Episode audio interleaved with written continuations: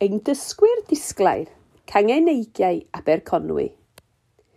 Penny Wingfield Ddeng mlynedd ar ôl i mi symud i Gymru o Loegr, ganwyd fy map cyntaf.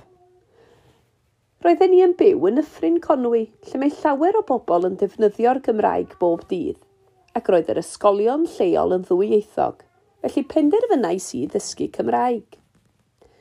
Ar ôl rhai blynyddoedd, mi ddywedodd fy thrawes dewch i ymuno â Merched y Wawr. Mi fydd siawns i ymarfer eich Cymraeg i gyfarfod pobl lleol ac i ddysgu pethau gan y siaradwyr. Roedd hi'n hollol gywir ac mis i lawer, mi ges i lawer o hwyl hefo'r gangen leol, sef cangen eigiau. Mi ges i egwyl bach o tua pedair neu bum mlynedd pam o'n i'n brysur iawn hefo'r clwb ceffylau. Ond rwan, dwi'n ôl yn y cyfarfodydd ac unwaith eto yn cael hwyl hefo'r merched yno. Ro'n i'n ffodus iawn o gael cysylltiad rhwng fy thrawes a'r gangen leol o ferched y wawr. Yn arbennig rwan, efo llawer o ddysgwyr yn dysgu dros y we yn lle mewn dosbarth. Mi fiaswn i'n meddwl bod cysylltiad fel hyn yn bryn iawn. Tybed fyddai yn bosib i ganghennau merched y wawr gymryd mwy o gyfle yn lleol i gyfarfod dysgwyr er mwyn rhoi cyfle iddynt sgwrsio a magu hyder wrth wneud hynny. Carol Miles Ces i fy ngeni yn ne Lloegr yn Sir Gaint mewn pentre bach ar arfordir y dwyrain yn wynebu Ffrainc. Ar ddiwrnod clir, roedd hi'n bosib gweld calau o benyn ffordd ni. Doedd gen i ddim unrhyw gysylltiad efo Cymru o gwbl, felly sut nes i gyrraedd gogledd Cymru meddai chi? Ar ôl cyfarfod cariad mewn prifysgol yn Llundain, mi gafodd o swydd yng Ngogledd Cymru, a wnaethon ni symud yma a phriodi. Wnaethon ni symud i Rowen, pentre bach yn Yffryn Conwy, yn 1985, a da ni'n dal i fyw yn yr un un tŷ drws nesau i'r hen ysgol. Pam ro'n i'n disgwyl fy mhlentyn cyntaf, wnaethon ni benderfynu y dylai'n plant mynd i'r ysgol leol a chael ei haddysg drwy gyfrwng y Gymraeg ar yr un pryd, wnes i benderfynu mod i eisiau dysgu Cymraeg hefyd. Efo gwaith ac edrych ar ôl fy mhlant, doeddwn i ddim yn medru mynd i ddosbarthiadau bob blwyddyn. Fell, ac felly, mae wedi cymryd dipyn o amser i mi deimlo digon hyderus i sgwrsio yn yr iaith. Ges i gyfle i weithio'n rhan amser yn ysgol y pentre, drws nesaf, fel clerc, ac roedd siarad efo staff a phlant yn help mawr i mi fagu hyder roedd yn arfer helpu i ddosbarthu'r papur bro lleol, sef y pentan, yn y pentre. Ar y pryd, roedd yna nifer o Gymru Cymraeg yn byw yma, ond oes yna ddim cymaint erbyn hyn. Roedd y pentref yn fwy prysur nag ydi o rwan efo llawer mwy o blant, ond yn anffodus, ceiodd yr ysgol oherwydd bod nifer y plant wedi lleihau.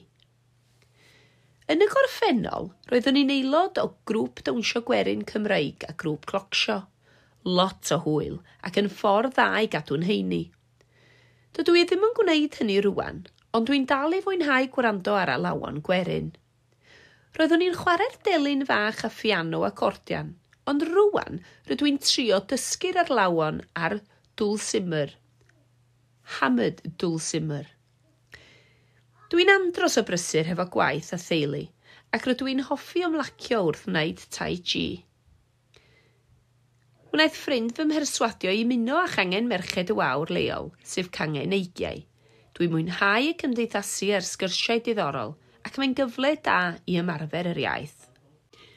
Liz Wallace Mi ges i fy ngeni ym Birmingham, ond dim Saesnes ydw i.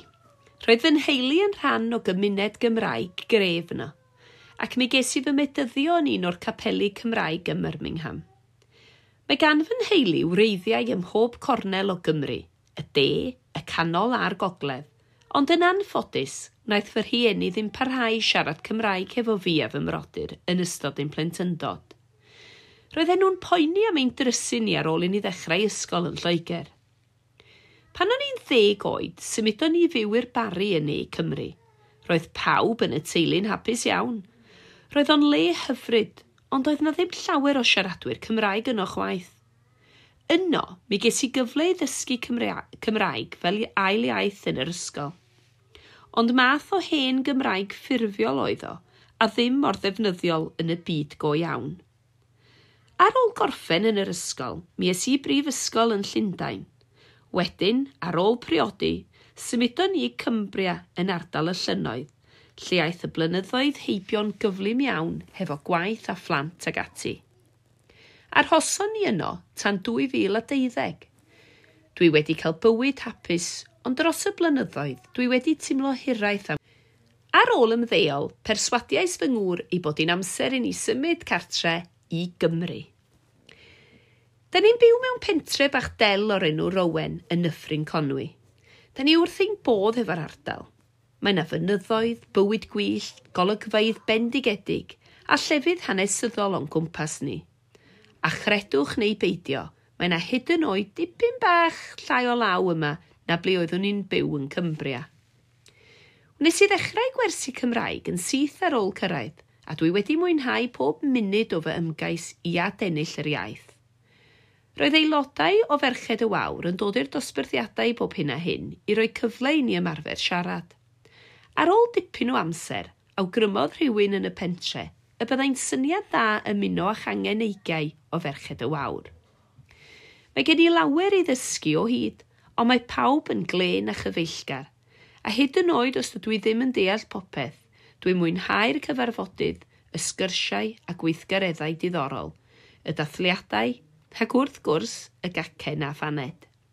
Hefyd, mae'n hyfryd i fod yn rhan o fudiad hollol Gymraeg – a chlywed harddwch yr iaith yn byrlymu o'n cwmpas.